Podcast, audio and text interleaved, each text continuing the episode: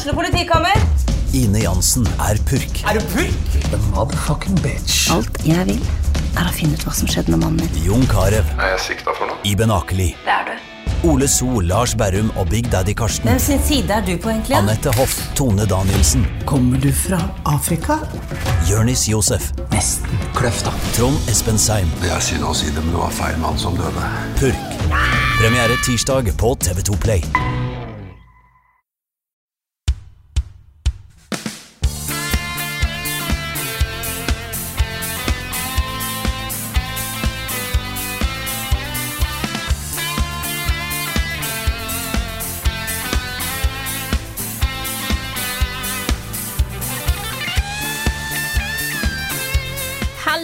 Alle sammen, og velkommen til en ny episode av podkasten Level Backup. Med meg, Frida Danmo, og med meg har jeg som, som vanlig Karl Martin Hogsnes og Rune Fjell Olsen. Hallo, folkens. Hello. Hei, Frida. Som vanligvis. Som vanligvis. Altså, nå jeg måtte jeg jo ta introen på nytt fordi at det var noe annet som forstyrra i stad. Så nå kommer jeg jo helt ut av dette her, så jeg skylder på barnehagen eh, som er ute forbi Rune. Ja. Ja, Og så var det en så fin intro den første gangen i tillegg. Men eh, sånn kan det gå. Men kan vi, kan vi snakke om at det var dommedag i Oslo i natt?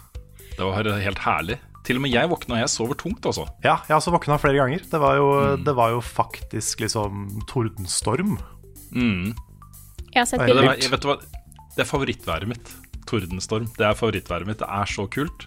Det er litt Det kult. er liksom Ja, altså, du føler at uh, du er midt i liksom ganske vill natur, da. Altså, jorda snakker til deg, på en måte.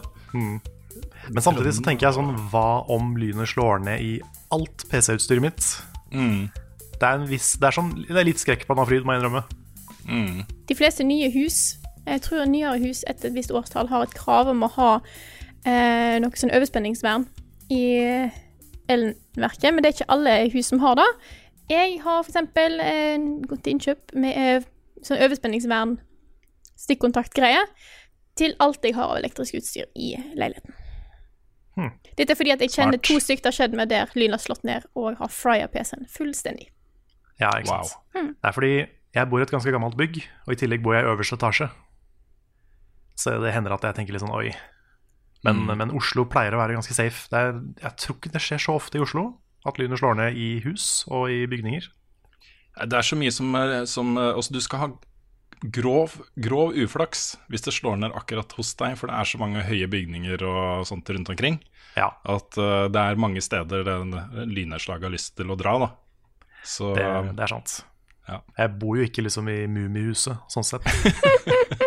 Så det er, det, er nok, det er nok ganske safe, egentlig. ja.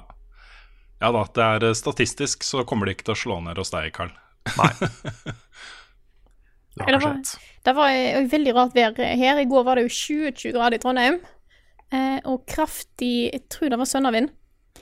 Eh, og den eh, Men så har det begynt å regne i dag, så nå har temperaturen gått ned. Men 20-20 grader i går, det var for varmt, altså. Det er eh, Da tror jeg kanskje det var siste blaff av sommer vi får her oppe. Hva har du spilt? Spilt i det siste?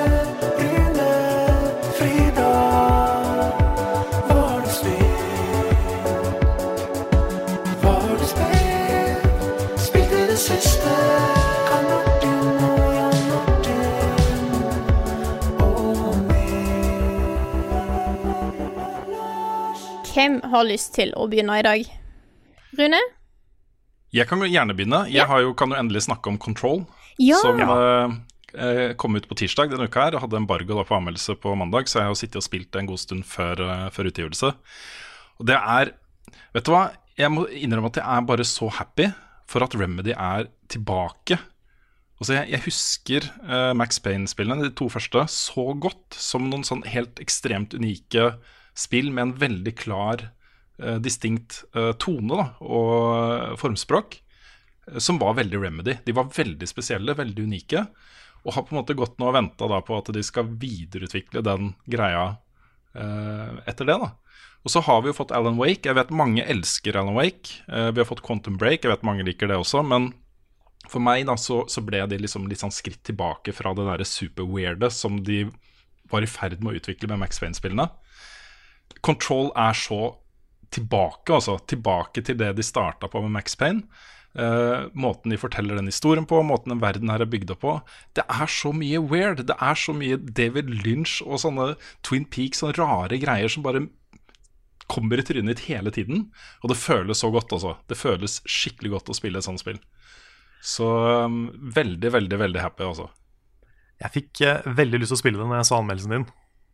Ja, samme Det, det, så herlig sært ut. Jepp. Og med sånn, det at du kan fly At du nevnte ordet Metroidvania Det var, liksom, Mhm. det var, nok, det var nok ting som gjorde at jeg ble ganske nysgjerrig. Ja, fordi det er, liksom, det er jo et spill her også. Eh, Man kan kanskje få inntrykk av at eh, det er liksom for weird, men det er et spill her også. Det er dritgøy å spille det. Og jevnlig så kommer du da altså Du har et sånt kart da hele tiden uh, som du kan gå inn og sjekke. Der er det jo utrolig mange sånn spørsmålstegn og svarte områder til steder du ikke har vært. ikke? Men du kan se hvor du connecter, du kan se hvor du på en måte skal komme deg inn dit på. Og noen steder så er det uh, helt åpenbart, som det er i mange Metroidvania-spill, at her mangler du en ability som du kommer til å få seinere. Så det er masse sånne ting også. Men det var ett punkt som jeg ikke snakka så mye om i anmeldelsen. Fordi eh, For meg personlig også var det viktigste med spillet, også det største poenget, var hvordan disse miljøene fikk meg til å føle. Eh, måten de hadde lagd det på. Den utrolig eh, arbeidet med interiør og arkitektur og de tingene der, som er, er der for å få deg til å føle ting. eh, er så utrolig effektivt, så jeg fokuserte på det. Men det er en annen ting her som handler om Uh, du får hele tiden nye egenskaper. Altså Du blir sterkere og sterkere, eller Jesse blir sterkere og sterkere. Uh, og det blir hun ved å finne uh, det som kalles da objects of power rundt omkring. Og det er på en måte knytta litt til bosskamper og, og sånne ting. Men de objects of power det er sånne på en måte relikvier fra ganske ny tid. da Eh, Stasjonære telefoner, floppedisker, eh, sånne ting, liksom. Um, og hvis du kombinerer det med litt den derre Altså, dette er corporate culture som har gått bananas, på en måte. Som har gått skikkelig ille. Hvor bossene du skal kjempe mot, er liksom mellomledere og ledere for disse avdelingene og sånne ting. Eh, er hvor det skjer bosser. De er bosser, ikke sant? Eh, du har, et, du har et, liksom et veldig sånn tight uh, byrå, da. Uh, Federal Bureau of Control, som, da, som har gått amok. Uh, og så har du disse her kontorrelikviene fra nyere tid som, du skal liksom, som er sånn power-objekter. Så for meg så er litt spillet her er litt sånn derre Jeg vet ikke, en slags sånn derre ønske om å gå tilbake. Altså, eh, at det kaoset som liksom moderne teknologi og uh, åpent kontorlandskap og alle disse tingene har tilført uh, bedriftslivet, da. Um, kanskje litt sånn ønske om å fremheve liksom at kanskje det var kraft og makt i de gamle tingene også, som vi har mista ved at ting har blitt så connected og alt dette her, liksom. Så det er noen sånne elementer som jeg føler ligger der, men som, uh, som du på en måte må lete litt etter, da, eller tenke også En følelse mer kanskje enn en konkret ting. Men uh, jeg syns det er så smart gjort. Det er så kult, liksom. Det er ikke tilfeldig at det er floppydisker og sånne ting du skal finne, tenker jeg da. Mm. Og det er masse sånne ting, da. Ja, kanskje, kanskje verden var bedre med floppydisker. Kanskje verden var bedre med floppydisker. Da jeg, da jeg stakk på Claes Olsson og kjøpte sånn tipakk med disketter for å laste ned flashspill på Tønsberg bibliotek, Ja, ja, ja. det var den beste tida. Mhm. Nei, men bare tenk dere, og så Se for dere hvor mye mer kaos det er i hodene til folk nå, kontra bare for ti år siden. liksom Hvor mye distraksjoner det er, og hvor kort attention span vi har, og alle disse tingene er. liksom Det er ting som skjer altså med eh, menneskeheten sånn kollektivt, med introduksjonen av alle disse teknologiene. Det er uh, Altså, Sosiale medier er jo et eh, tosidig sverd, eller hva det heter. absolutt. Absolutt. Jeg har endt opp med å skru av all lyden på telefonen min. Eh, ikke vibrasjon, ingenting. Å nei. For å få vekk den konstante beskjeden om at det skjer noe. Eh, det er noen måneder siden jeg gjorde det. Jeg føler det har hjulpet veldig. Mm. Eh, bare det at jeg på en måte ikke sitter på en måte hele tiden skal sjekke telefonen. Jeg kan legge den vekk. Fordi at jeg får ikke en lyd om at det skjer noe. Mm. Eh, jeg er jo mindre tilgjengelig sånn sett, så det hender jo at jeg mister noen andre ord på sånne ting. Men for min egen syke så føler jeg at det hjelper veldig. Så det er mitt Mm. tips, faktisk. Jeg tror den, den store tingen for meg er at jeg vurderer å bare, bare slutte med Twitter. Fordi Twitter er det verste på de tingene her. Du får, ba, du får alle de dårlige nyhetene i hele verden hele tida. Ja, du får alle de gode òg, da. Ja, men det er ikke så mange av de. Så det er eh, Ja, nei, jeg blir, jeg blir rett og slett deprimert av Twitter, så jeg vurderer å bare gi meg. Det tror jeg er en god idé. Ja, det er ikke dum idé i det hele tatt, hvis du føler det på den måten her. Altså. Jeg, jeg ble intervjua til eh, Jeg husker ikke om det var Infact eller Gallup eller hvem det var, sånn medieundersøkelser. Mediebruk. Den undersøkelsen i seg selv var sjukt dårlig, og det sa jeg fra til de som stilte spørsmålene også. Fordi de stilte f.eks. sånne spørsmål som hvor mye stoler du på YouTube som, eh, som kilde for informasjon? Og det er sånn Store deler, kanskje 80-90% av YouTube stoler jeg ikke på i det hele tatt, liksom. Nei. Mens de, de 10-20 som jeg har funnet meg, Som jeg leta meg fram til, stoler jeg jo 100% på, ikke sant? Altså mine kilder. Eh, s- hvordan skal man svare generelt på sånne spørsmål, da? Eh, Kunne like godt spurt hvor mye stoler du på internett som kilde? Det er sånn Ja, ja, Ja. men så hadde de samme spørsmål for alle kanaler, ikke sant? Reddit Ja, ja. og eller Reddit spesifikt, da, men Twitter og, og Facebook og sånne ting. Og jeg føler at de undersøkelsene er på en måte litt designa for å uh, For at folk skal si da at de stoler mer på papiraviser f.eks. enn på YouTube. Ja, ja. Ja. Så, Ja, for det, det blir Altså, det er veldig mye uærlig skitt på YouTube. Eh, Mm. men det blir jo Ja, det blir jo ikke riktig å gruppere alt i én ting. Nei, man kan ikke det. Så, um, men men uh, da, på den, i den undersøkelsen så var liksom alle mine nyhetskilder var jo sann. Det var eh, Twitter, det var Reddit. Uh, og på spørsmål om min primær nyhetskilde, så var det liksom Reddit. Ja. og det er, det er liksom Ting har endra seg så utrolig mye, nå. Og um, ja, det blir på en måte en litt, liten digresjon, dette her. Det er viktig for meg å få fram at uh, Control er et sjukt gøy spill å spille også. Og den der jevne strømmen av nye abilities og det våpenet du har, og hvordan du kan modde den til å bli forskjellige ting osv. Alle de tingene er kjempegøy, da. Uh, og veldig sånn solid laga. Men det er så mange andre ting det er mulig å snakke om med det spillet, uh, som er henta litt fra den der samme stedet som David Lynch lager filmene sine. Litt sånn derre abstrakt stream of consciousness. Det betyr noe kanskje for eh, Lynch, men seerne må liksom selv hente ut det de ønsker da, fra det de lager, ikke sant? Og ja, Det var bare helt herlig. Det var en helt nydelig opplevelse. Åh, det er for mange spill som kommer, ass. Det er ja. Ja, ja. Hver gang, hver gang du nevner David Lynch, så tenker jeg på den scenen i den nye Twin Peaks-sesongen.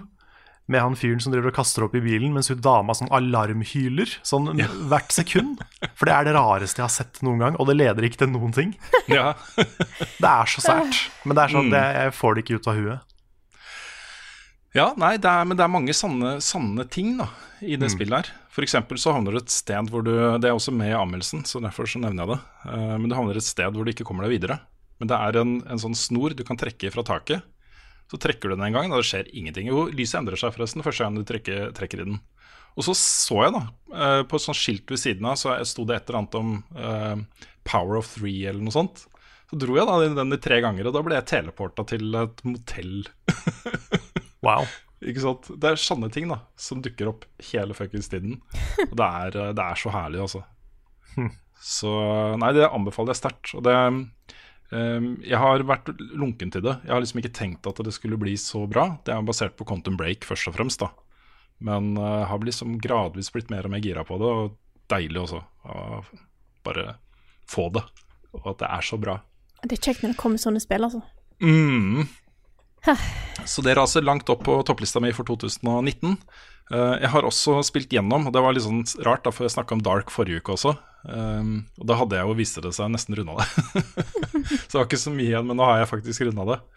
Og der, der var det et poeng som jeg var usikker på hvor langt jeg kunne dra det da, i anmeldelsen. Uh, men jeg tenkte å bare snakke litt om det nå.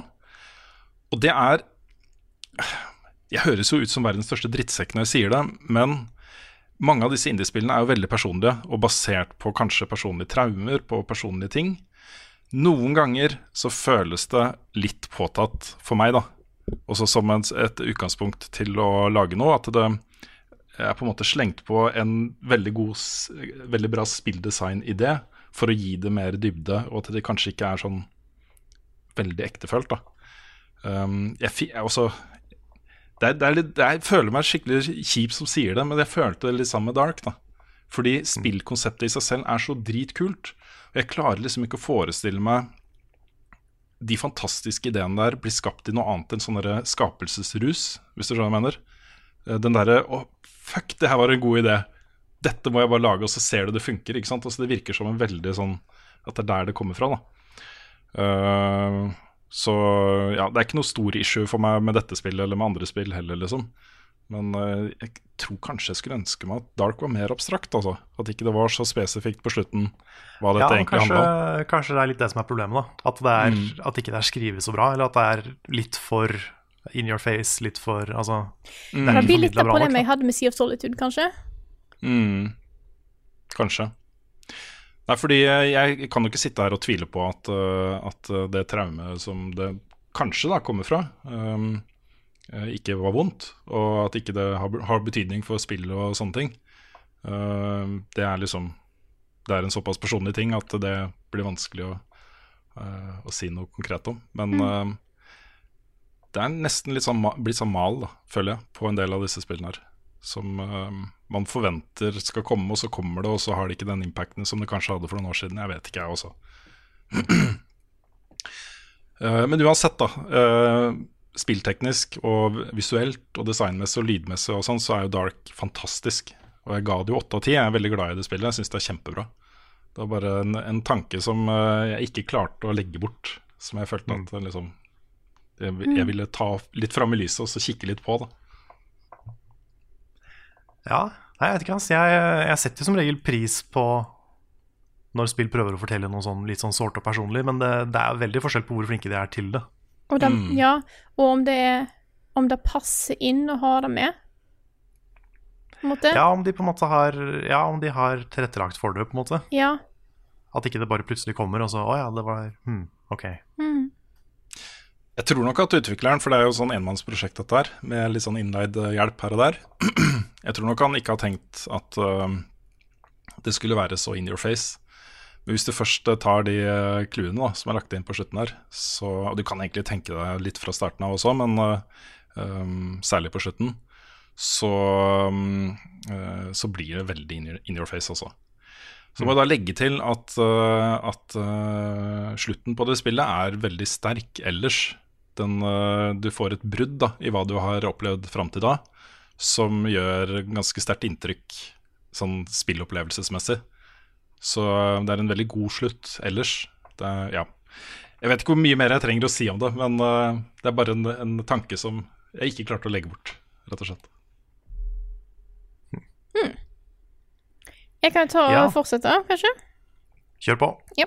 Jeg har jo, eh, Siden sist så har jeg spilt gjennom Erica seks ganger.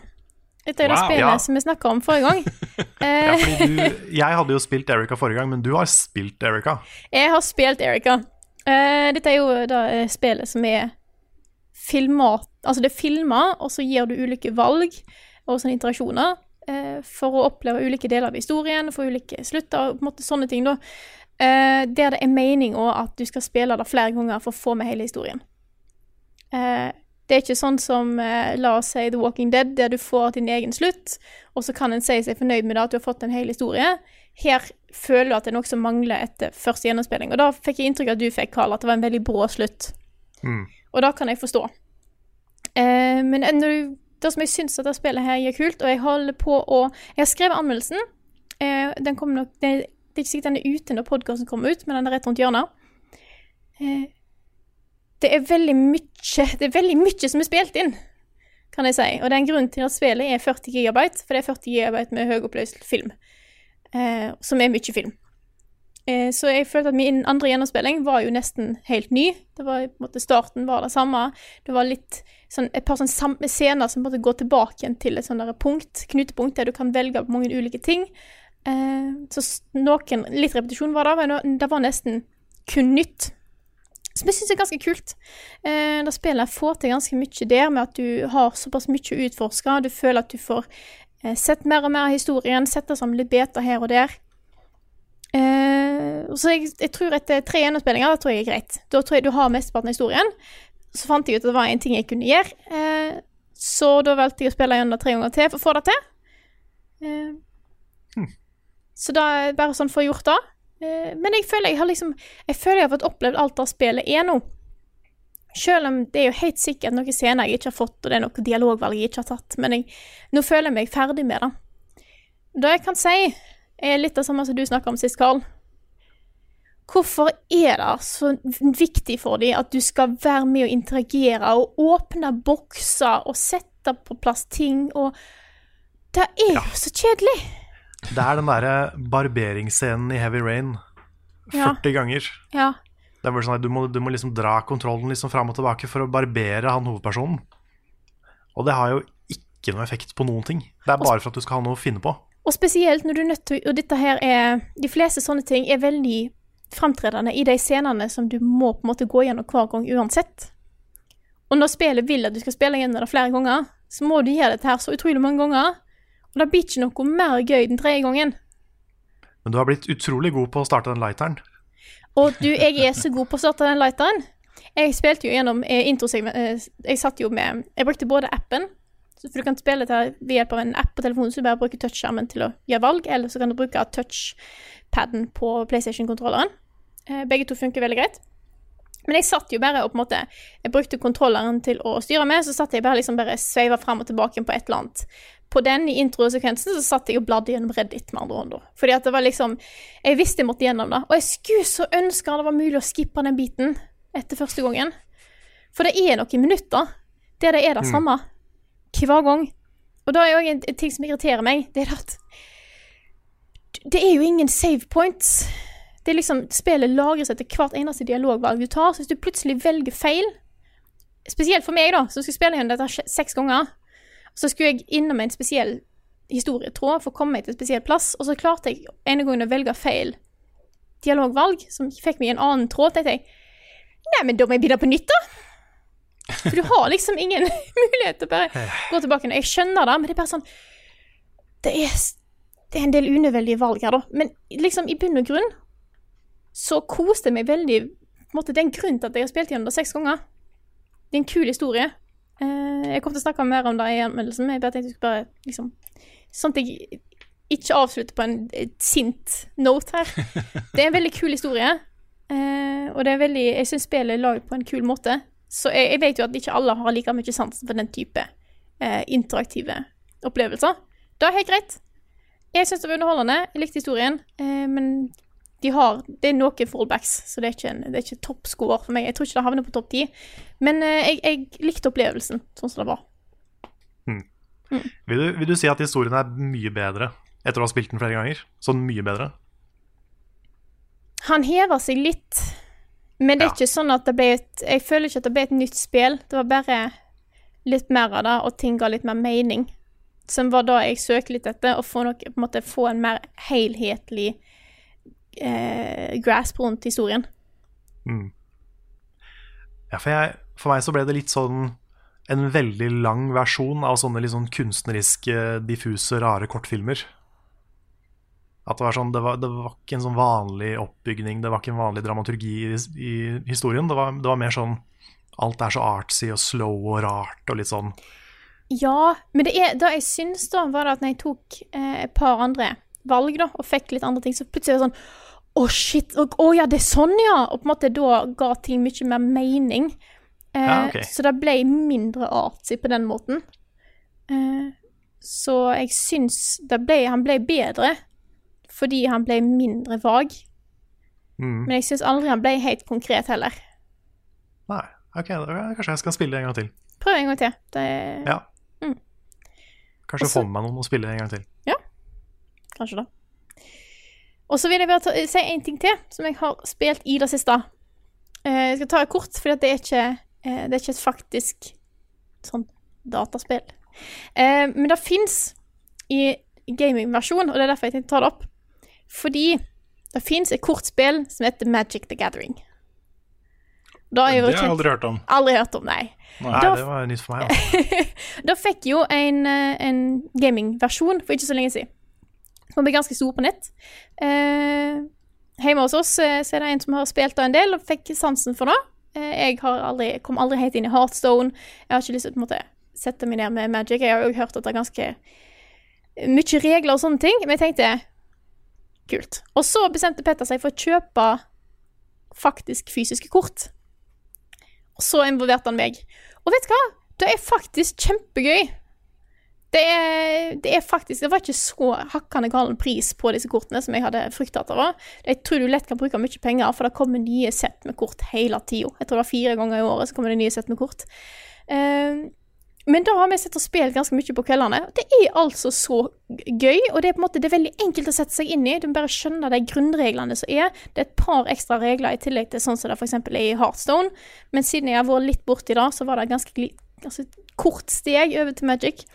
Eh, så for de som kanskje Kanskje syns at Heartstone virker litt kult, og så tenker nei, Magic blir for Da blir for avansert. Test, da! Jeg tror faktisk eh, Magic the Gathering Arena, jeg tror det er det det er gratis. Og at du kan komme ganske langt. For jeg tror, jeg, Hvis jeg har fått med meg rett, så er Magic det er bare å kaste ting på deg. Så at det hele tiden liksom Det er ikke et så ekstremt krav om at du må kjøpe packs i spillet hele tida. Det kan være jeg tar feil her, så dette er veldig sånn ut fra hva jeg har fått inntrykk av. Men ta og testa ut. Jeg syns det var et kult, eh, kult car game. Det her eh, vant noen matches, he-he, så jeg er fornøyd. Men det er faktisk ganske kult, og det er såpass på en måte veletablert kortspill. Eh, Mm. Og det, jeg tror det er de fleste på en måte, Det er mange eh, Jeg vil tippe at det er en del Outland-butikker som har måte, at du kan møtes og spille, for det er en ganske stor ting. Så jeg prøv, da. Det var, jeg hadde- hadde sans for det, altså. Jeg kommer sikkert ikke til å spille arena fortsatt, men litt, eh, litt fysisk bredt kortspill innimellom. Da blir det nok framover. Stilig. Bra tips. Da er det, da er det meg. jeg, kan jo, jeg kan jo begynne med å si at dette er første gang i podcast-historien at, at, at vi har spilt to FMV games, altså, altså spill som er filma i ekte film med skuespillere. Fordi jeg har spilt Telling Lies, Ja. Som da er den eh, spirituelle oppfølgeren til Her Story.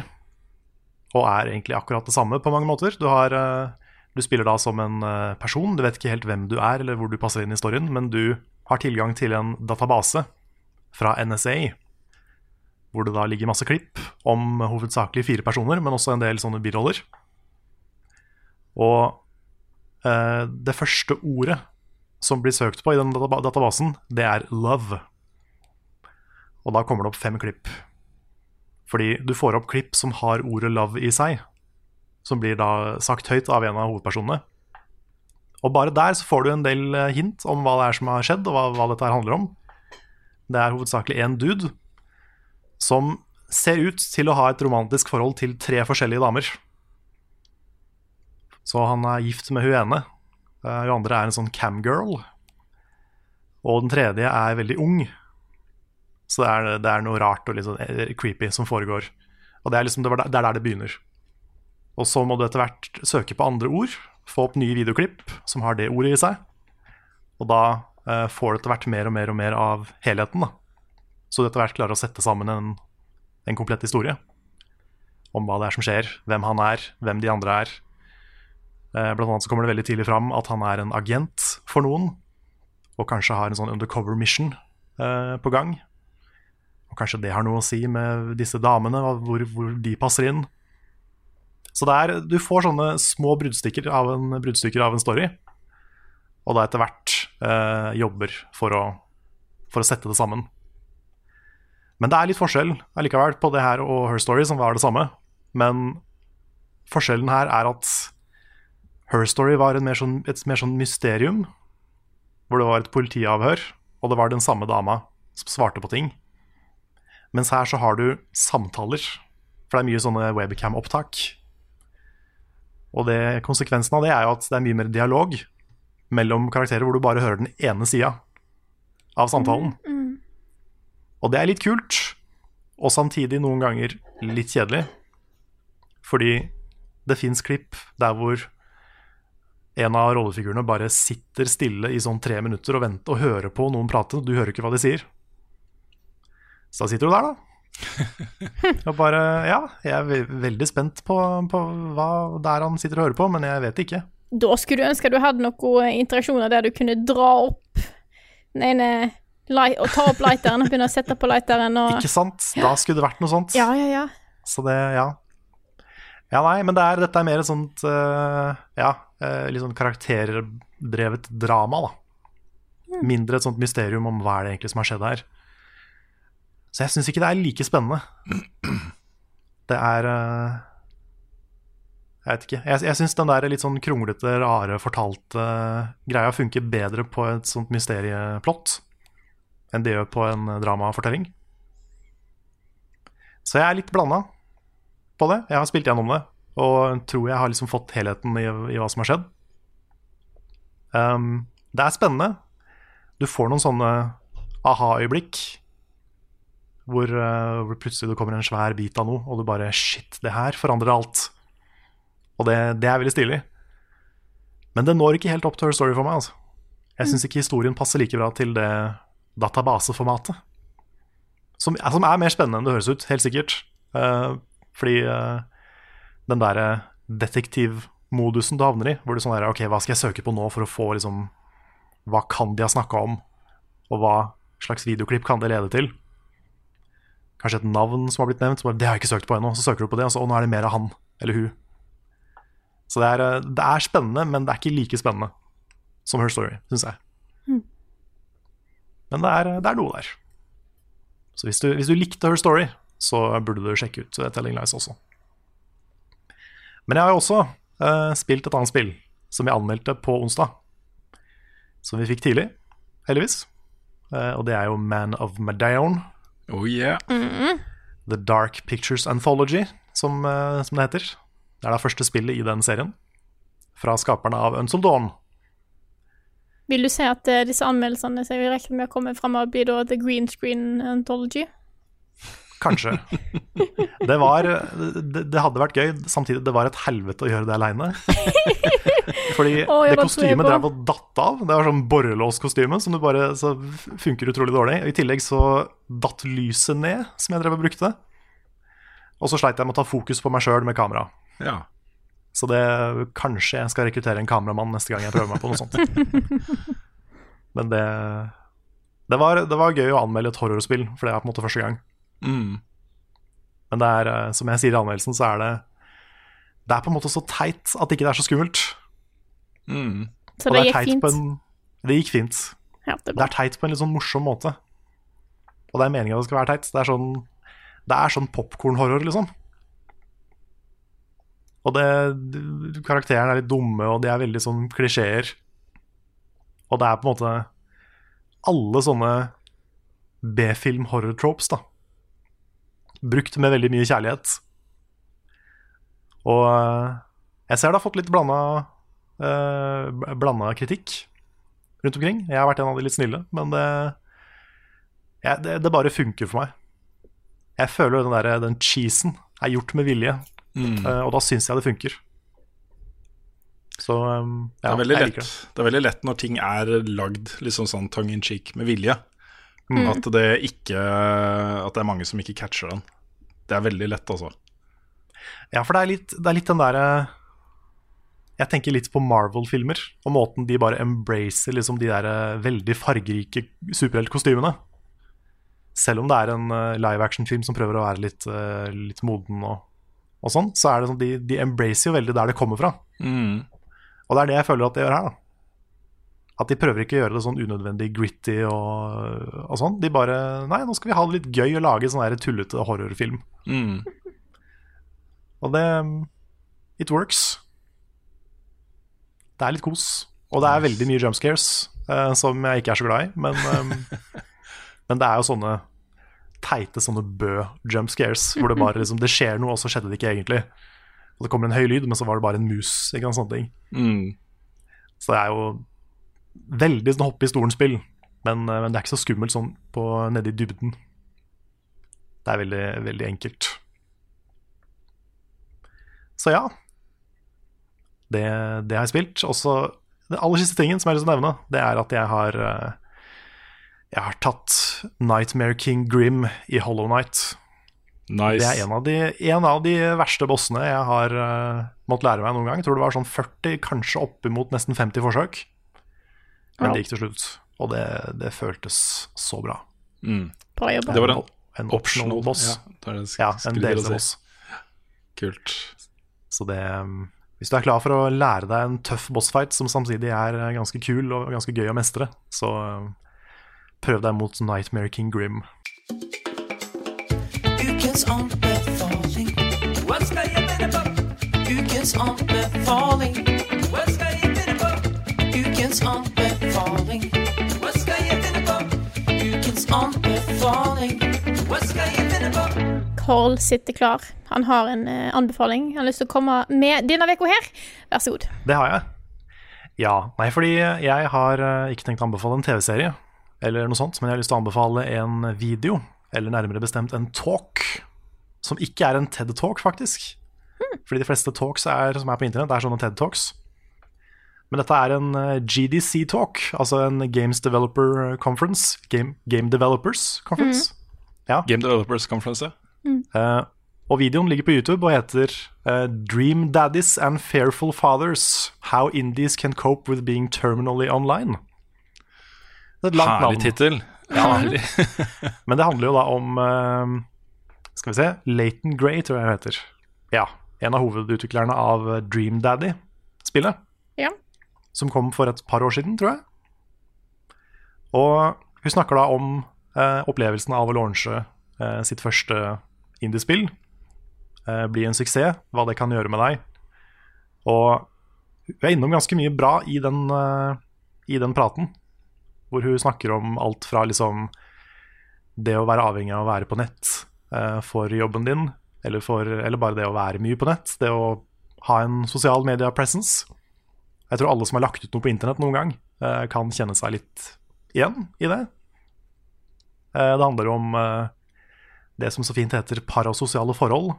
Det, altså det er sånne enveisforhold som mennesker får til folk de ser på internett. Og det ansvaret og den følelsen man kan sitte igjen med av å ha sånne. Da. Og innom ganske mye interessant. Og det å få kritikk fra både haters og folk med gode intensjoner. Det er, det er en veldig, veldig bra tale, for å kalle det det. Men hun eh, har da en sånn eh, morsom liten powerpoint mens hun går gjennom en del spennende ting. Så hvis du er interessert i, å- i indiespill, eller interessert i eh, bare generelt det å lage ting på internett og få respons på det, eh, hele den pakka der, så er det verdt å, verdt å høre på den. Altså. Så det er en, en varm anbefaling. For, den er halvtime lang, så det er jo litt, litt tid som må settes av til, uh, til å få sett den. Men uh, varmt anbefalt. Så, sånn sammenligna med alt annet på anbefale her, som er liksom en sesong med en serie, så er en halvtime ingenting, Karl. Nei, det er sant. det er Det er helt innafor. Men du vet, det er på YouTube, så, så der er folk så veldig uh, Ja, ja. En halvtime er jo, det er jo tilsvarende en uke.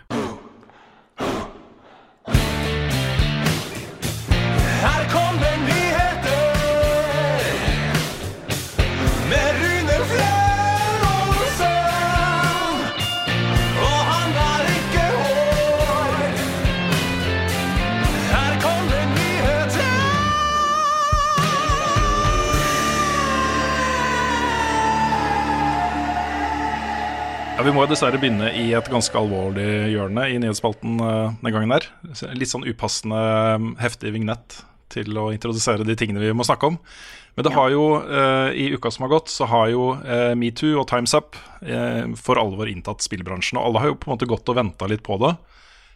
Det har føltes litt som om spillbransjen har ikke vært moden for det, eller klar for det å oute predators da, i spillbransjen.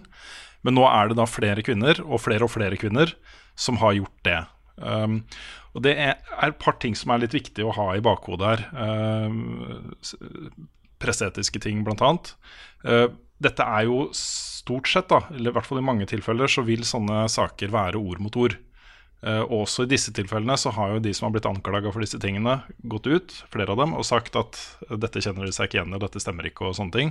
Så det er fortsatt litt ord mot ord. Men det finnes jo um, logger og tatt vare på diskusjoner og uh, screenshots og sånne ting. Og uh, ikke minst så har det kommet inn mange stemmer om de samme personene.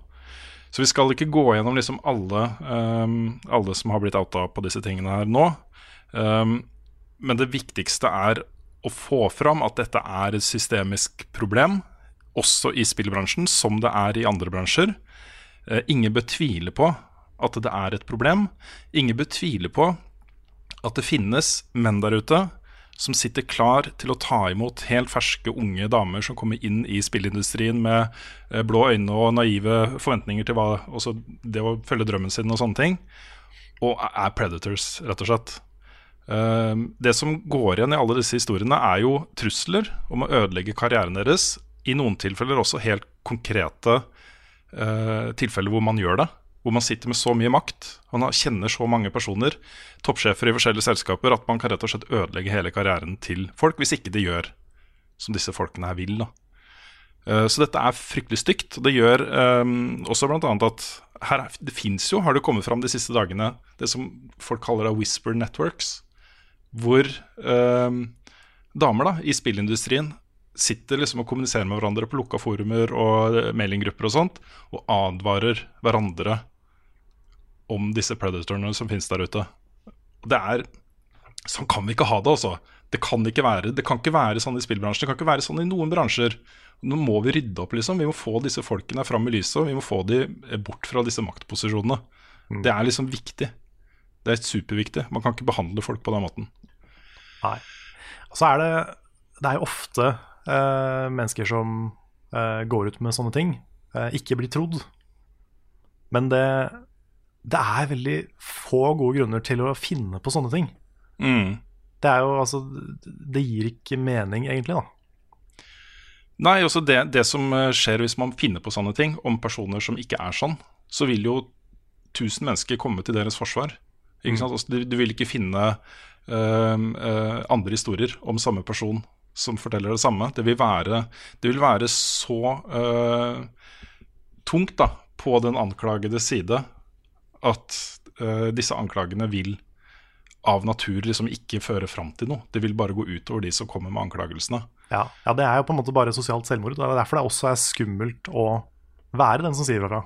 Mm. Og derfor det også er viktig å ta det på alvor når det kommer fram. Ja, det, man, det jeg har sett som er liksom viktigst med disse uh, anklagelsene som har kommet, det er jo alle, alle som kommer inn og sier 'jeg tror deg', 'jeg tror på det du sier'.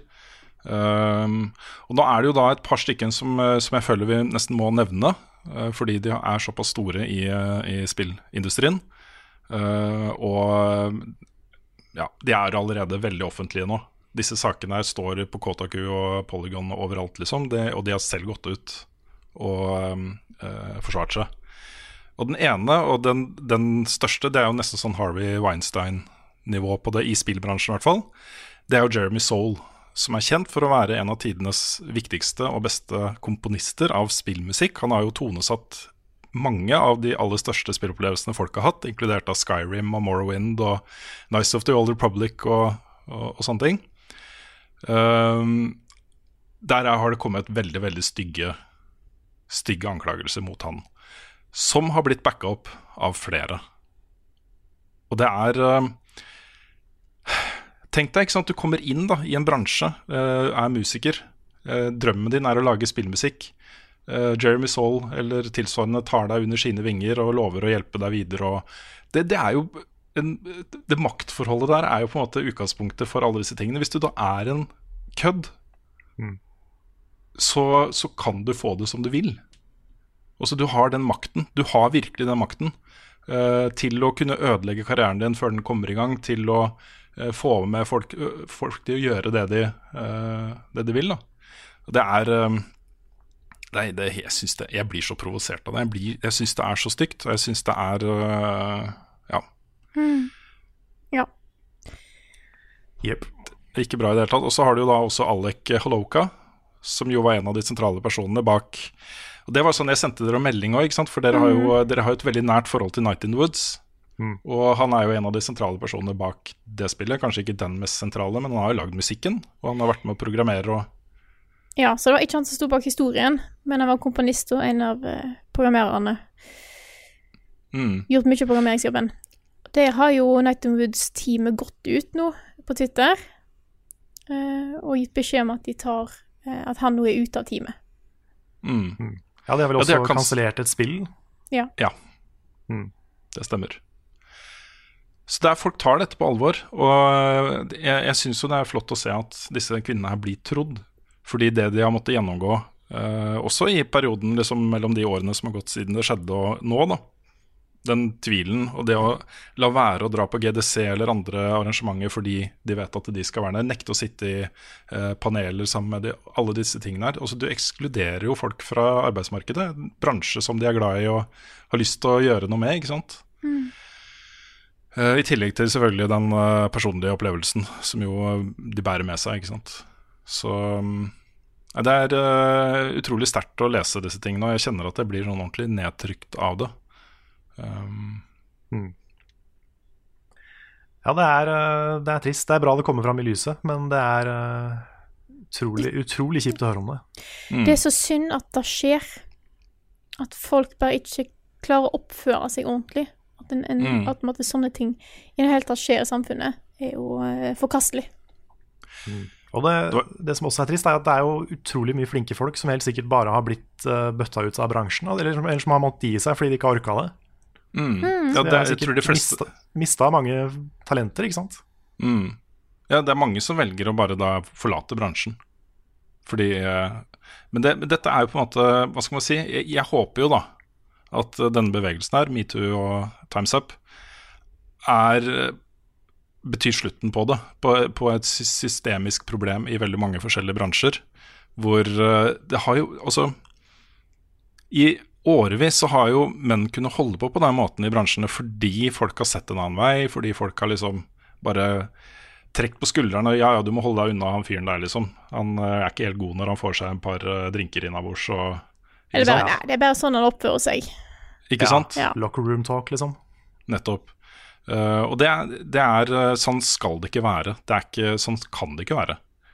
Så um, jeg, jeg tror også liksom for eh, spillbransjen i seg selv, da, eh, hvis de klarer å rydde opp i dette her, uh, og gjøre det til et mer inkluderende sted, så tiltrekker man seg også kanskje nye typer talenter og stemmer som kan være med å vi- utvikle spillmediet videre. Så ja. Jeg tror ikke den saken er over. Jeg tror det vil dukke opp flere navn.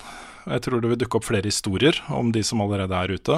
eh, Og jeg, tror det kommer, jeg, jeg håper at det kommer til å bli rydda opp. Jeg er helt sikker på, eller i hvert fall, så hvis du driver et spillselskap i dag i dette klimaet med disse historiene her som utgangspunkt, og ikke tar det seriøst, ikke tar det opp internt, ikke, ikke gå grundig gjennom ditt eget selskap for å finne ut om eh, kvinnene som jobber der, har opplevd lignende historier, så gjør du pinadø ikke jobben din, altså. Så det, det tror jeg kommer til å skje nå litt overalt, at eh, det blir en ordentlig opprydding. Jeg håper det. Nei, vi får gå litt videre, litt videre nå. Det kan hende vi kommer tilbake til denne saken her. Altså, det kan hende at det eh, tas opp på litt Ja. høyere nivå i forskjellige selskaper og, og sånne ting. At det, vi får den samme gjennomgangen som vi fikk i film, eh, filmbransjen og TV-bransjen. Så Ja. ja. Eh, vi kan gå videre til Cyberpunk 2077, som har fått en ny character creator. Og dette syns jeg er ganske interessant, fordi der har det jo eh, kommet en del kritikk mot at eh, de, når du velger karakter i Cyberpunk 2077, så kunne du velge om du skal være male eller female. Og det, that's it, liksom. Og så kunne du bygge masse ting ut fra det. da. Og kritikken har vel gått på at uh, i Cyberpunk-univers, altså i Cyberpunk-innhold, altså om det er bøker eller filmer eller noe sånt, så er den der eh, flytende kjønnsgrenser er et ganske viktig element. da. Um, så det de har gjort nå, er at nå har de fjerna Du kan ikke velge male og female, men du kan velge utseende og du kan velge stemme. Så du kan velge å ha en veldig butch, altså mannlig karakter, da, med masse muskler og sånt, og en kvinnelig stemme. Eller omvendt. Altså Du kan mikse og matche uh, hudfarger og alt mulig rart. da Ja. Og Det er mye mer i tråd med hva cyberpunk egentlig er. da Og ikke minst også det som introduksjonen av teknologi og, og sånt i kroppen din. Ja, og så er det jo, eh, så er det jo mer inkluderende, rett og slett. Absolutt. For, eh, for mennesker som ikke, ikke passer inn i de binære tinga. Mm. Det, det tenker jeg er bare positivt. Ja, det er kjempe, jeg syns det er kjempebra. Også den friheten til å da bare faktisk lage den karakteren du uh, har lyst til å lage, er, eh, blir jo større nå. Så jeg syns det her er, var en, en fin nyhet.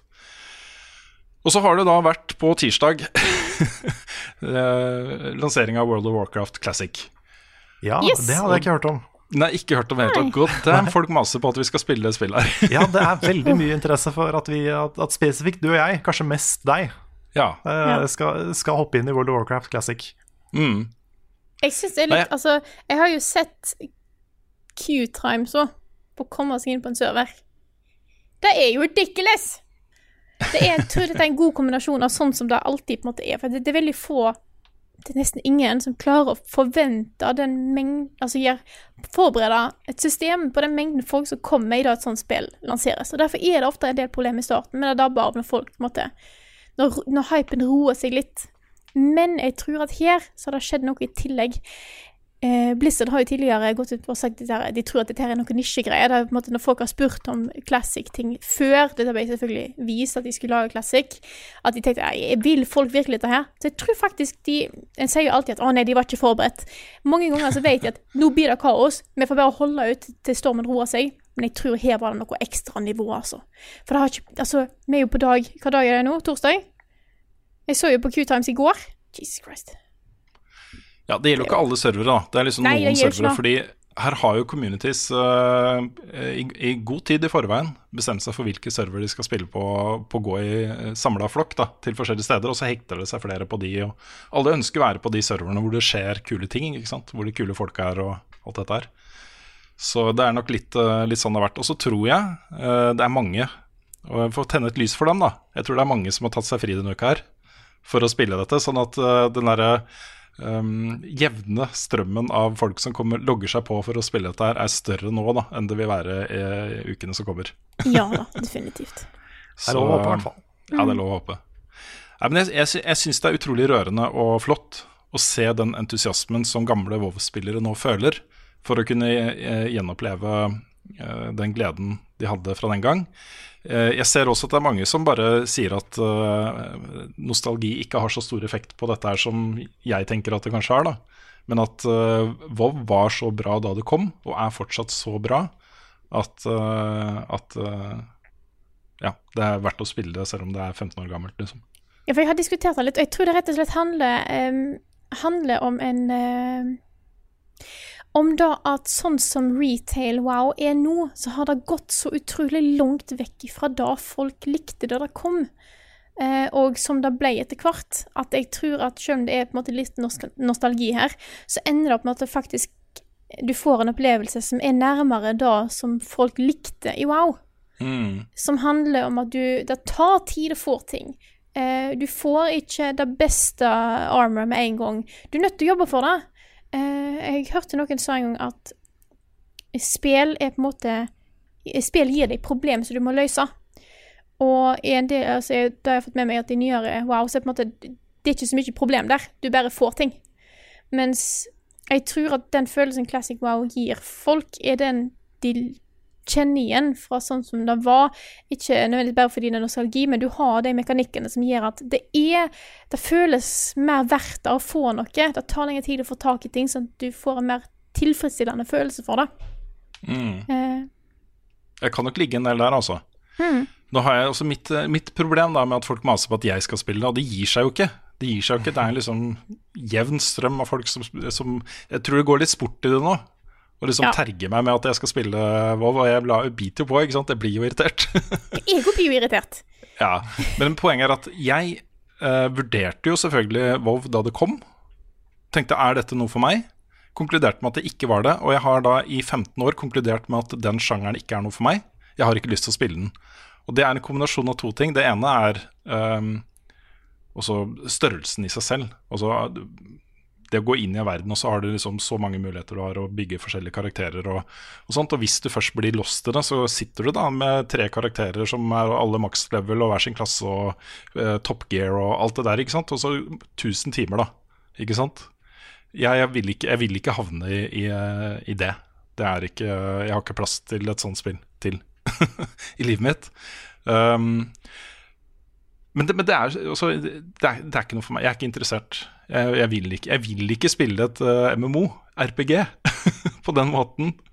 Og det, er, det, har, det har jeg sagt til meg selv i 15 år, liksom. Mer enn det også. For jeg, for jeg var jo med på lanseringen av, uh, av Everquest også, som journalist. Uh, som jo var dritsvært før WoW. Og det er Det går ikke, det bare går ikke. Så ja. Jeg vil òg bare si en liten ting. Det, Mm. det er ikke nødvendigvis bare nå, men ellers. Eh, det er et psykologisk fenomen som er at hvis noen sier, gjerne flere ganger, at du må gjøre noe, så mister du som i mange sammenhenger all indre motivasjon til å gjøre det sjøl. Ja da. Det er en ting som jeg, eh, som er på en måte bare sånn Hvis folk maser veldig Jeg vet det sjøl, det er derfor jeg sier det. Hvis noen maser Ja. sånn Ja, du må gjøre ja, gjør dette, dette må du gjøre. Sant? Sånn, Å, du må spille det, du må spille det spillet. Ja, ja, ja. all lyst til å gjøre det. Ja. Ja. Men det har kommet inn en, et element her da fra eh, Stavik-brødrene. Eh, Hvor mye penger skal jeg ha for å spille? Altså indirekte, da. Jeg Um, bestikker deg til å spille det. på en måte. Men, det, men der er det sånn, OK Hvis det hadde starta en kronerulling som endte opp med at, eh, at vi fikk inn 15 000 i måneden på Patrion istedenfor 10 000, så kunne, og det var basert på at folk ville jeg skulle spille WoW, så hadde jeg kunnet spilt WoW. Ja, det, det er en dyr inngangsbrett for å spille WoW. Ikke sant? Men men det er på en måte Det her toucher jo innom um, For vi tar jo vurderinger hele tiden på hva slags innhold vi skal lage, basert på at uh, folk faktisk da betaler direkte ehm, på Patron. de er på en måte funderne våre. De er vårt eh, eh, Hva skal man si? Det er aksjeeiere i Buffkitten AS, på en måte. Eh, litt, da. Eh, og vi vil jo gjerne lage innhold som de har lyst på. Eh, men det må på en måte veies opp mot redaksjonelle vurderinger vi tar for vårt selskap, og hva som er riktig for oss også. Vi kan ikke bare liksom For da Hvis det var sånn da at alle på Patron ville bare at vi skulle spille Fortnite, liksom, vi hadde jo ikke orka det. Da hadde jo ikke vært level up lenger.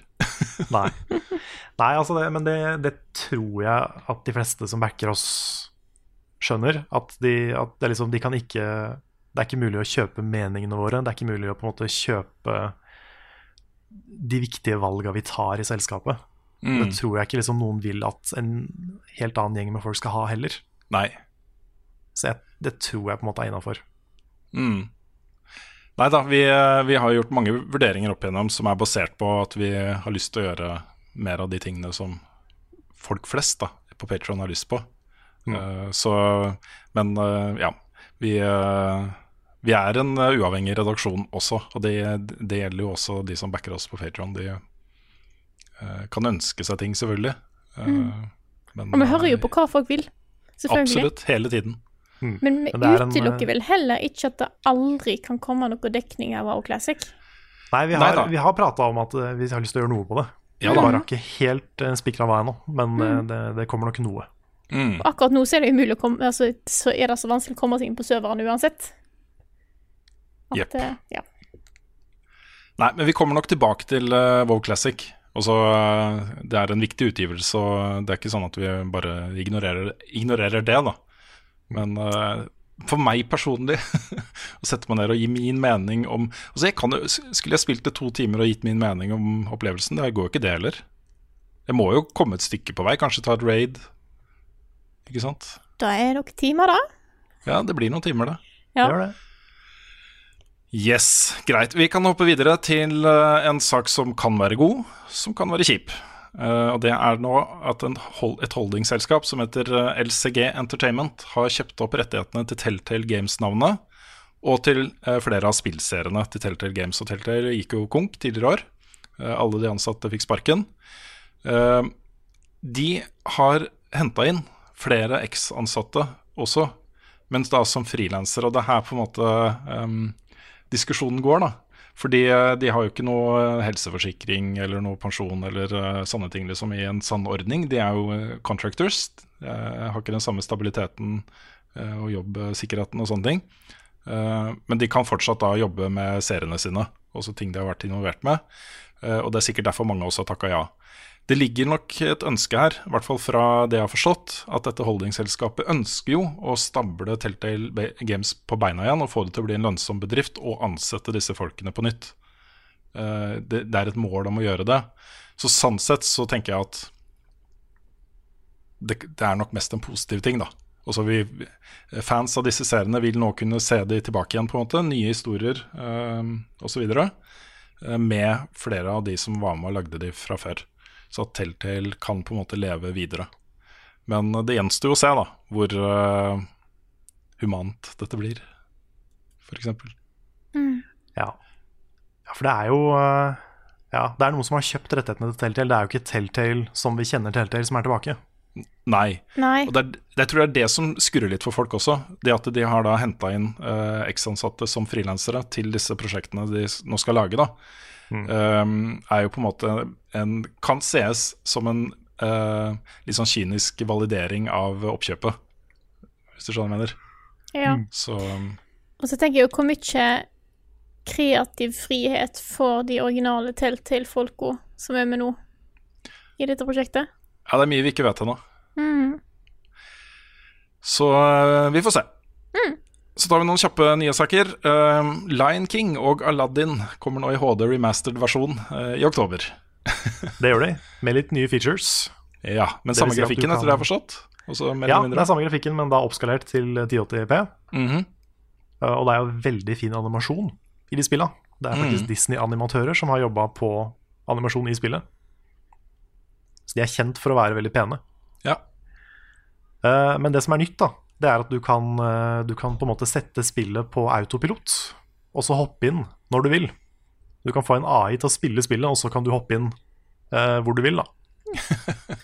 Så da kan du få en maskin til å ta den der strutsedelen for deg i Lion King. Og det er, sånn, det er, det er jo litt juks, men det er litt greit òg, for den Ja. strutsen er noe dritt. Det er det verste i hele det spillet. ja. Og så kom Um, vel eh, live action-versjonen måneden etterpå, gjør den ikke det? Jo, kanskje det. Kanskje det. Nei, det, men du kan også eh, spole tilbake. Du har rett og slett braid gameplay, hvor du kan, hvis du, hvis du driter deg ut, så kan du bare spole tilbake, prøve igjen. Så du har jo en del sånne assist mode-ting. Jeg tror det var Blink som var først ute, Karl. Ja, det, det kan hende. Men jeg tenker liksom braid, for det er liksom Ja da, ok. mekanikken i braid. Ja. Men, um, men nei, det, det kan du. Uh, og så var det noe behind the scenes-materiale som fulgte med. Mm. Blant annet en sånn tidlig demo, tror jeg, av Aladdin. Som ikke har blitt sluppet før. Så da går det an å spille en sånn eh, så et lite stykke av spillet som sikkert er litt annerledes. Mm. Hopper videre til Ashen, som jo var et av mine favorittspill i fjor. Um, det var da ute på PC og Xbox One.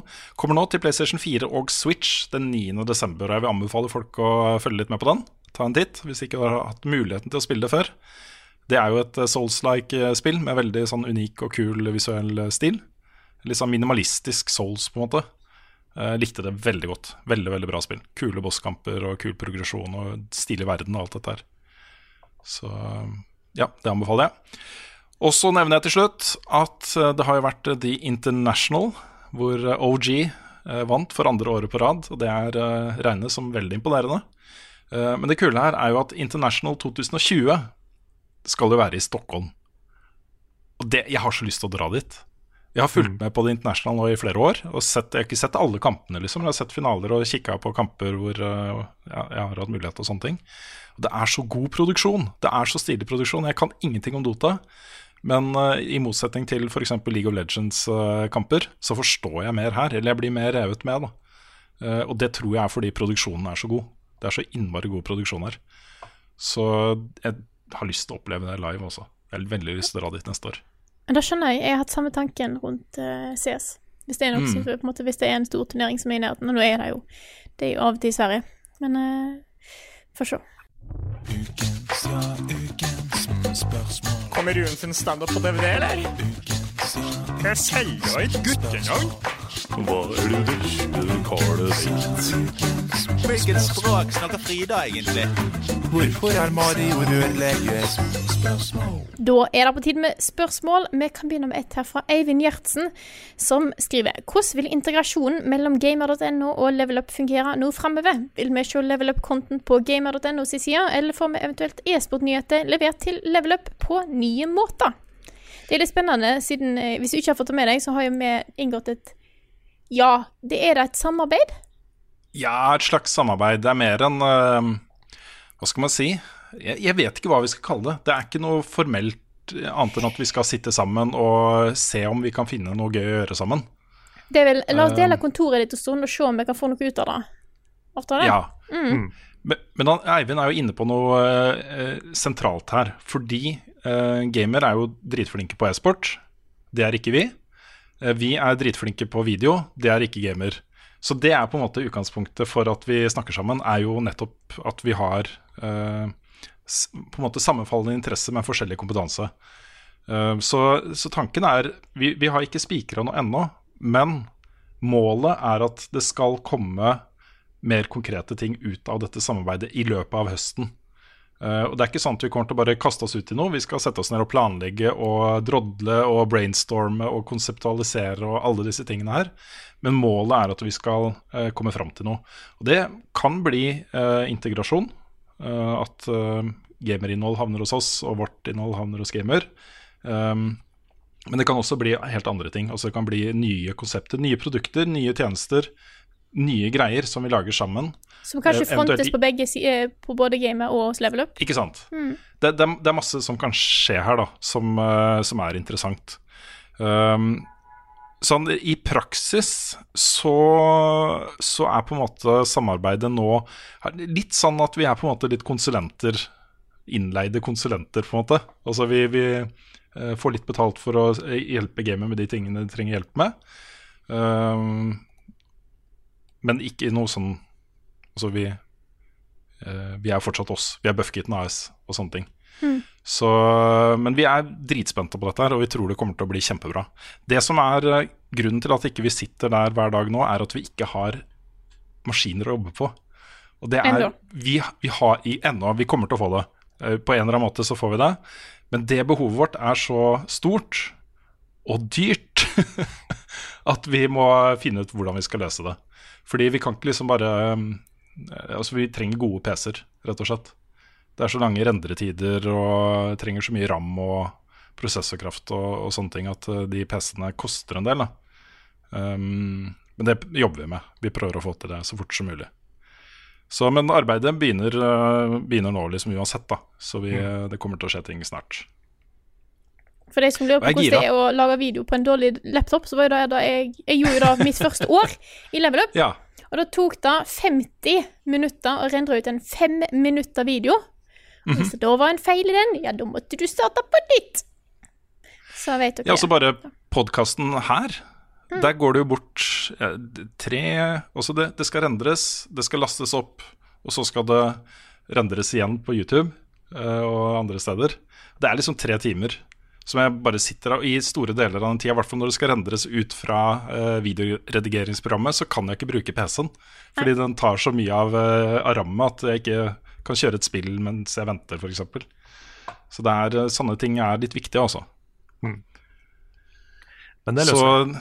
Ja, det løser vi. Og jeg gleder meg. Og de folk Jeg snakka litt med Erling eh, på tirsdag.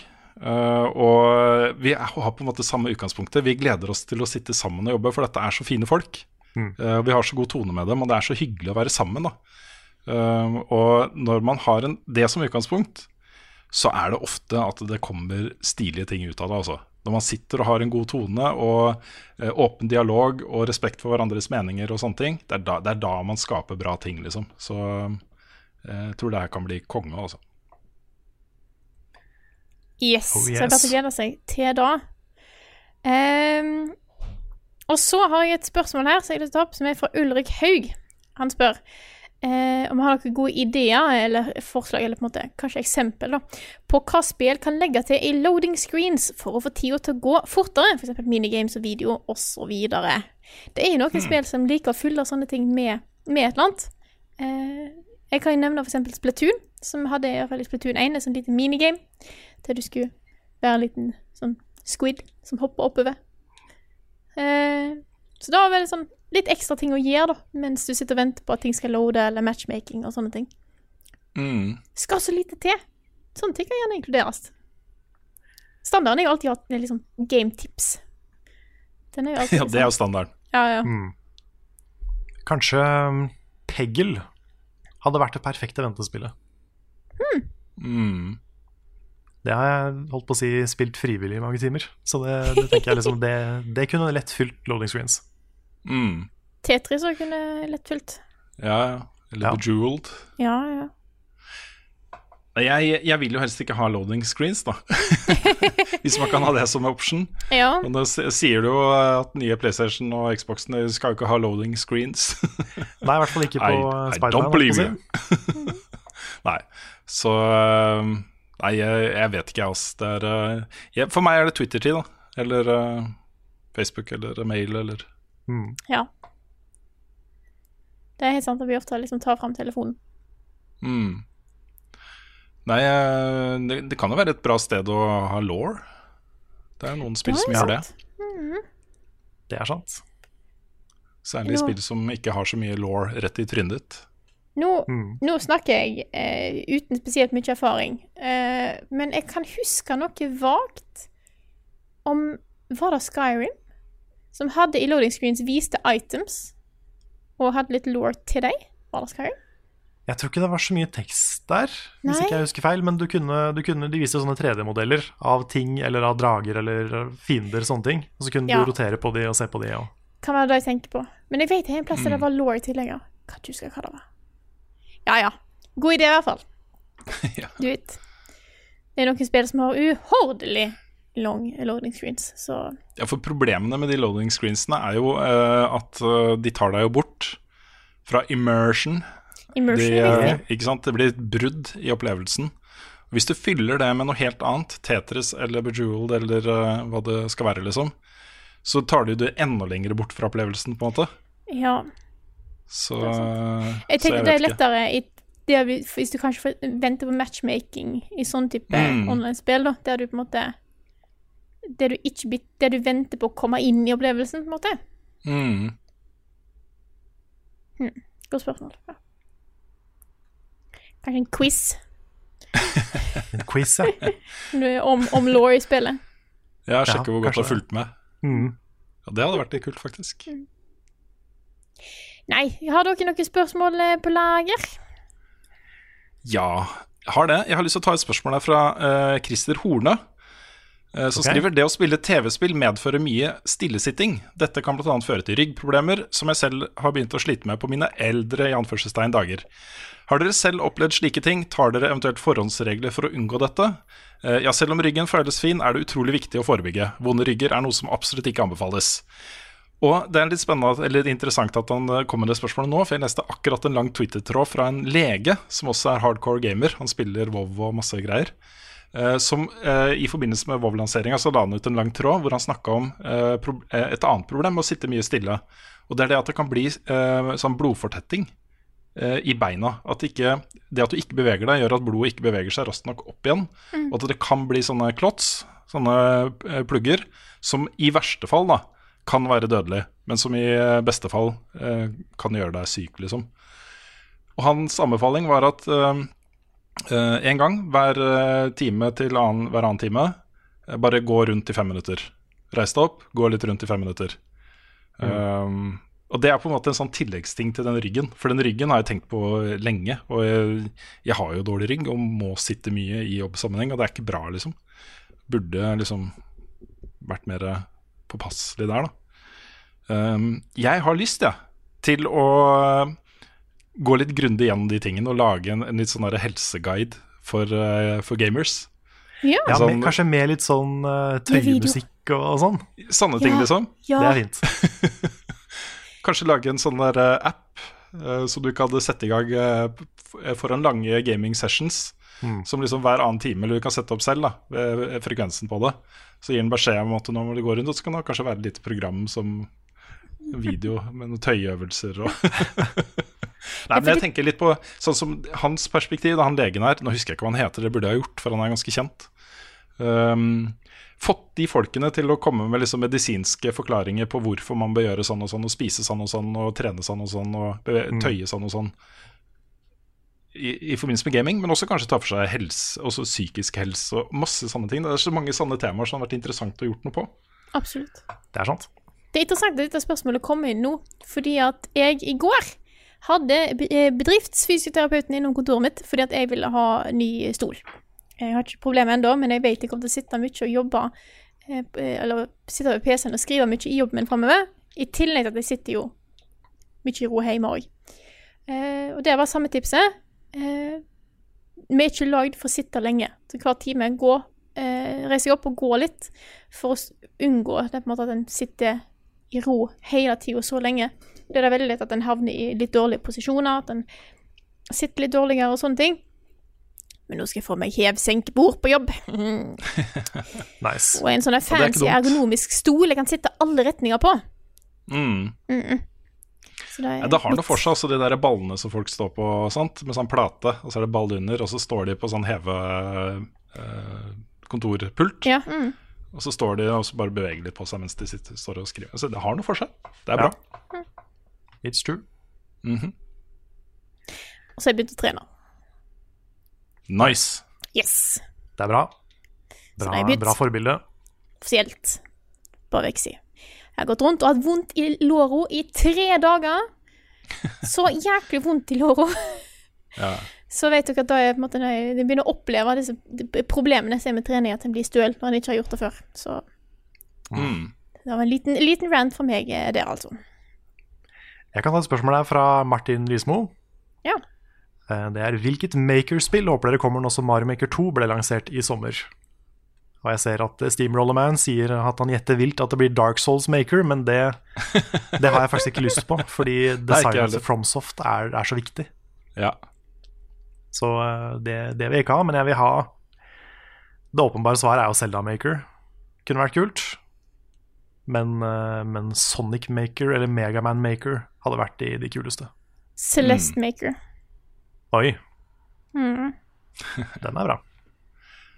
Jeg, jeg fikk jo mitt ultimate makerspill for mange år siden, og det var Trackmania. Det var jo Ja. Det var helt konge, altså. Det å sitte og uh, lage baner selv. Kjempegøy. Eller bare en Mario 64-maker. Mm. Jeg skulle til å si i samme som du nevnte, Rune, Mario Kart Maker. Mm. Mm. Det kunne vært kult. Mm. Ja, det der er noe. Track Mario. The greatest Yes. crossover in uh, et eller annet. Yes. Mm. Jeg har dere flere på lur her? Jeg har et par til. Ja, kjør okay. på.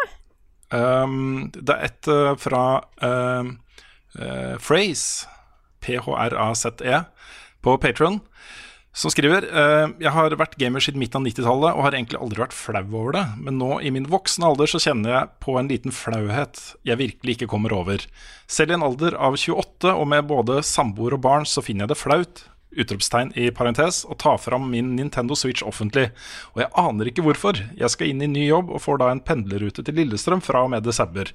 Denne turen tar ca. 40 minutter hver vei, og jeg kjenner at jeg aldri kommer til å tørre å ta fram Switchen på banen og toget. Er dette noe dere selv kan relatere til? Jeg vil også nevne at uh, Trond Borgersen, Sinfor, hadde en svar der hvor han skrev at bare slapp av om ti år, så, er det, så har du ikke det problemet lenger. Og det er litt sant, altså. Um, når du er liksom har bikka 35 og sånt, så tenker man ikke på det lenger. Da gjør man også, ja, har man lyst til å spille på Switch, da, så gjør man det bare, ikke sant. Um, jeg, jeg, personlig kan ikke relatere så veldig til det, for jeg har aldri hatt noe problem med det selv. Men jeg skjønner, jeg skjønner at uh, At uh, folk fortsatt føler litt på det som kanskje kan være et slags stigma, da, eller at noen tenker at det kan være det. Jeg vet ikke. Ja, jeg kan, jeg kan kjenne meg litt igjen. Jeg husker det fra den perioden jeg spilte Pokémon Go etter at det var kult. ja. For da, da står du, det er så synlig hva du gjør på bussen. Mm. Det er sånn, å, han er han som fortsatt spiller Pokémon Go. Og nå er jo det litt mer vanlig igjen, eh, det å på en måte være tilbake i det. Men da var det liksom etter den der veldig hype-bølgen, da. Og så gikk det ned, og så var jeg han som fortsatt sto på bussen og bare Pokémon Go-a. Så da kjente jeg litt på det. Jeg vet ikke om jeg hadde følt noe på det med en Switch. Nei, og det er, Jeg føler den det er, er så på en måte allemannseie nå, nesten. Ja, Ja, er samtidig så er den litt svær, da. Så kan altså, jeg tenker kanskje jo større, jo mer eh, rart ser det ut for de som ikke vet hva det er. Ja, men det er færre og færre av de, vet du. Det er færre og Ja. færre av de som syns det der er rart. Mm. Eh, Jeg vil tro at eh, det vil være mye mer vanlig for en åttekjøring som sitter med en Switch på toget, å kjenne på misunnelsen. Og folk som kunne ønske de satt med en Switch selv, Mm. enn at de bare ser på han derre guttemannen der, liksom. Det er sant. Mm. Ja. Jeg altså, jeg, jeg er veldig ja. imot at det skal være noe stigma, Yes. men jeg skjønner samtidig følelsen Mm. litt. Av liksom hvordan Men jeg er veldig nevrotisk på sånne ting òg. Sånn der, hva, hva tenker folk? Hva, Ser jeg rar ut? Har jeg noe dopapir i buksa? Det er sånn, sånne ting kan jeg gå mye og tenke på. da Så jeg, jeg, Og jeg, føler jo den. Og dessuten altså, sitter jo alle andre på det toget Sitter jo med nesa ned i mobiltelefonen og på Facebook. Ja. Så ja. Jeg, jeg er- ville bare gitt litt beng, altså. Ja, og så er det jo et poeng da at liksom folk bryr seg veldig mye mindre om hva andre driver med, uh, enn man tror sjøl. Mhm. Det er en ting som er lurt å tenke på ofte. Sånn hvis du uh, ser helt fucka ut på håret en dag eller et eller annet, så er det sånn Du kommer til å legge merke til det så mye mer enn alle andre. Yep. Og det er fordi tror- folk er mer selvopptatte enn, man, uh, enn man tenker. Og folk Ja. bryr seg ikke så mye om andre. Jeg tror at ingen kommer til å bry seg så lenge du ikke måte, har bestemt deg for at du skal spille Switch på en TV på toget. Hvis du Ja. tar med deg liksom hele TV-en og Eller med lyd. Ikke ta med lyd. Ikke vær den Ikke, ikke ha på personen. lyd. Nei. Eh, men hvis du tar med deg en hel TV, og så kobler du inn liksom Switch-dokken, og så setter du i Da, da, da er det lov til at folk ser rart på deg. Men bare Switchen eh, Så vet jeg ikke helt hva på en måte Det er Det er vanskelig å komme med et, en, eh, et godt forslag for å komme over det hvis du føler at det er et problem òg. For det er liksom bare å si at ikke bry deg er, er en vanskelig ting å ta til seg av og til. Ja, det er lettere sagt enn gjort. Mm. Det er det. Mm. Jeg vet ikke. Sett deg bakerst. Ja. Ha switchen inni en bibel. ja. Ja. det kan du ha. Mm. Eller Dagens Næringsliv. Ja. Jeg kjøper sånt eh, ja, avisrack til Switchen, Ja. hvor du kan, bare, du kan montere en avis foran. Yes. Eller skal du ta Neida. av eh, Hvis du tar av joyconsa, så setter du bare liksom selve switchen der, så kan det se ut som du ser på et eller annet på en iPad. Så kan du liksom Ja. ha kontrollene ned med beina dine. Så kan Ja, du liksom det ja. mm.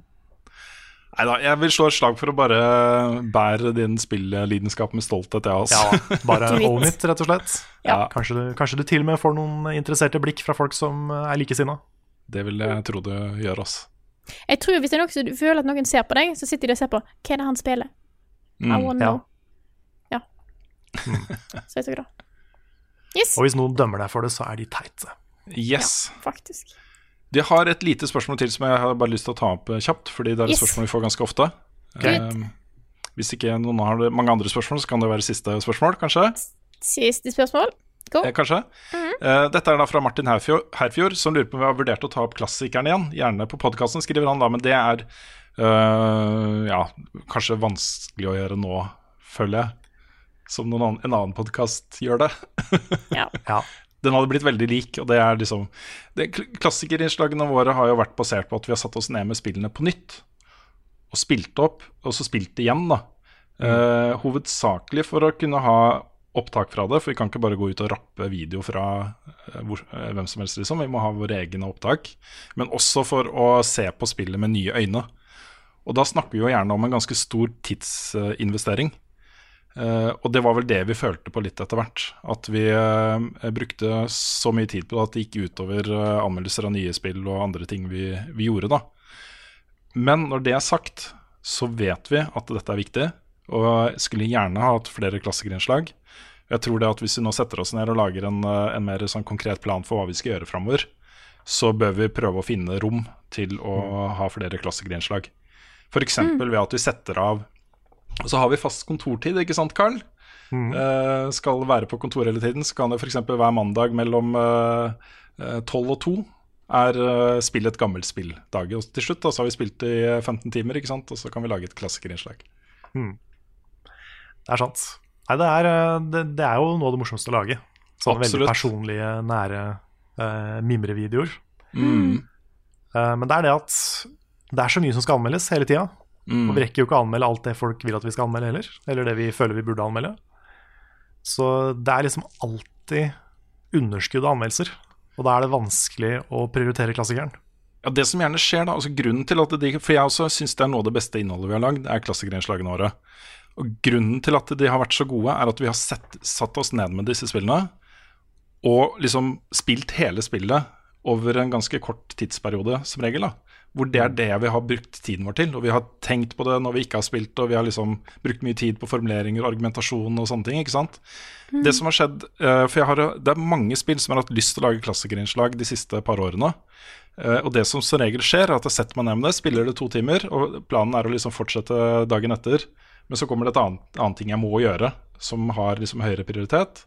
Og så går det en dag til, og så kommer det noe annet, og så plutselig så har det gått tre uker siden jeg spilte de to timene. Jeg har ikke på den samme immersion i det jeg spiller lenger. Ehm, og får en veldig sånn stakkat opplevelse da. Så ja. Det er liksom Vi får jo hele tida spørsmål om Skal dere anmelde dette spillet. Skal dere anmelde dette spillet? Det er jo flere spill som kommer ut nå enn vi har mulighet til å anmelde. Så det er liksom Å lage et klassikerinnslag, da må en på en måte forsake en anmeldelse. Ja, og vi har jo tatt da konkret en vurdering på at uh, anmeldelser av nye spill har uh, høyere prioritet hos oss Mm. enn klassikerinnslag. Og det er på en måte grunnen til at vi har lagt det litt til side, er jo for, derfor. Få Mm. tid til å gjøre flere anmeldelser. Ja. Men uh, det betyr ikke at det aldri kommer flere anmeldelser. Nei, anmeldelser, sier jeg. Klassikerinnslag. Klassikerinnslag. Nei, vi, vi har jo veldig lyst, fryktelig lyst til å gjøre det mer. Mm. Absolutt. Ja, altså generelt så er det jo Det hender jo at vi setter av tid til å gjøre andre ting uh, enn anmeldelser. Og det er f.eks. da i vår, når jeg jobba mye med Noscope, så var det jo færre anmeldelser fra meg. Men uh, da var det gjerne sånn at andre tok de jeg ville tatt, osv. Så, videre. så det, er jo, det Mm. går jo an å eh, planlegge, arrangere ting for å, for å få til ting. Mm. Og så må det jo også nevnes at i VGTV-tiden så hadde vi jo eh, til sammen det tre-fire måneder i året som var preproduksjon og mellom sesonger og sånne ting. Og da brukte vi jo tid på nettopp det. Da gjorde vi klart f.eks. klassikerinnslag som kunne gå seinere i sesongen. Uh, hvor vi kunne bruke da en uke på å spille et gammelt spill Mm. for å lage det innslaget. Og så slapp dere òg å bruke tid på å drive et selskap. Det gjorde vi også. Det også har, eh, hadde litt å si. Jepp. Nei, det er eh, greit siste spørsmål, da. Ja, så må vi plugge litt. Vi skal plugge litt. Mm. Kjør på, Rune. Eh, Det blir da 6. oktober, så er det Tiltcast 2.0. Da er det eh, en hel haug med norske spillpodkaster på Tilt i Oslo. Eh, Dørene åpner klokka ett, vi er på scenen klokka to. Og så er det um, Spelledåsene, Saft og Svele, Lol Lolbua, Lolbua. Lolbua. Ja, Spillmatic, Radcrew og Nerdelandslaget. Så det er jo en uh, solid uh, lineup med forskjellige podkaster. Uh, det det. kommer til å bli en herlig, herlig, herlig kveld. Eh, det er plass til ganske mange. De flytter det ned til liksom, selve Arkadehallen, eh, hvor det er plass til mange flere enn det var eh, forrige gang. Cover charge 100 kroner. Jeg tror det bare er mulig å kjøpe det i døra, hvis ikke jeg husker helt feil. Kan vel kanskje, for jeg husker det var sånn sist, nå vet ikke om dette går an, å ta kontakt med arrangørene, og, altså ikke oss, og høre om du kan få reservert en billett hvis du kommer langveis fra. Det tror jeg kanskje kan være lurt. Jeg sender mel- melding til Jon Cato, Mm. f.eks. for eksempel. Um, det er også 23-årsgrense på Tilt, men det er et par unntak. Hvis du er eh, sammen med en foresatt, eh, kan du være yngre. Og fram til klokka 18.00 så kan du være 18. Mm. Stemmer ikke det? Ja. Ja. Så, så det er unntakene. Eh, Det kommer til å bli helt magisk. Vi gleder oss masse til det der også. Blir veldig, veldig bra. Mm. Mm. Så da, med det så vil jeg selvfølgelig si tusen takk til alle dere som støtter oss på Patron. Dere er fantastiske folk som gjør det mulig for oss å lage innslag til dere. Så tusen, tusen takk for all støtten eh, dere gir oss. You are the best. Nydelige folk. Så hvis du har lyst til å støtte oss, er det bare å gå inn på patron.com slash levelupnorge. Stemmer? Ja. Ja, Husk at det er bare nord, men det er Norge. Eh, yes. Og med det så eh, vil jeg si tusen takk for oss. Takk for at du har hørt på denne episoden her av Level Backup, og så snakkes vi igjen neste uke.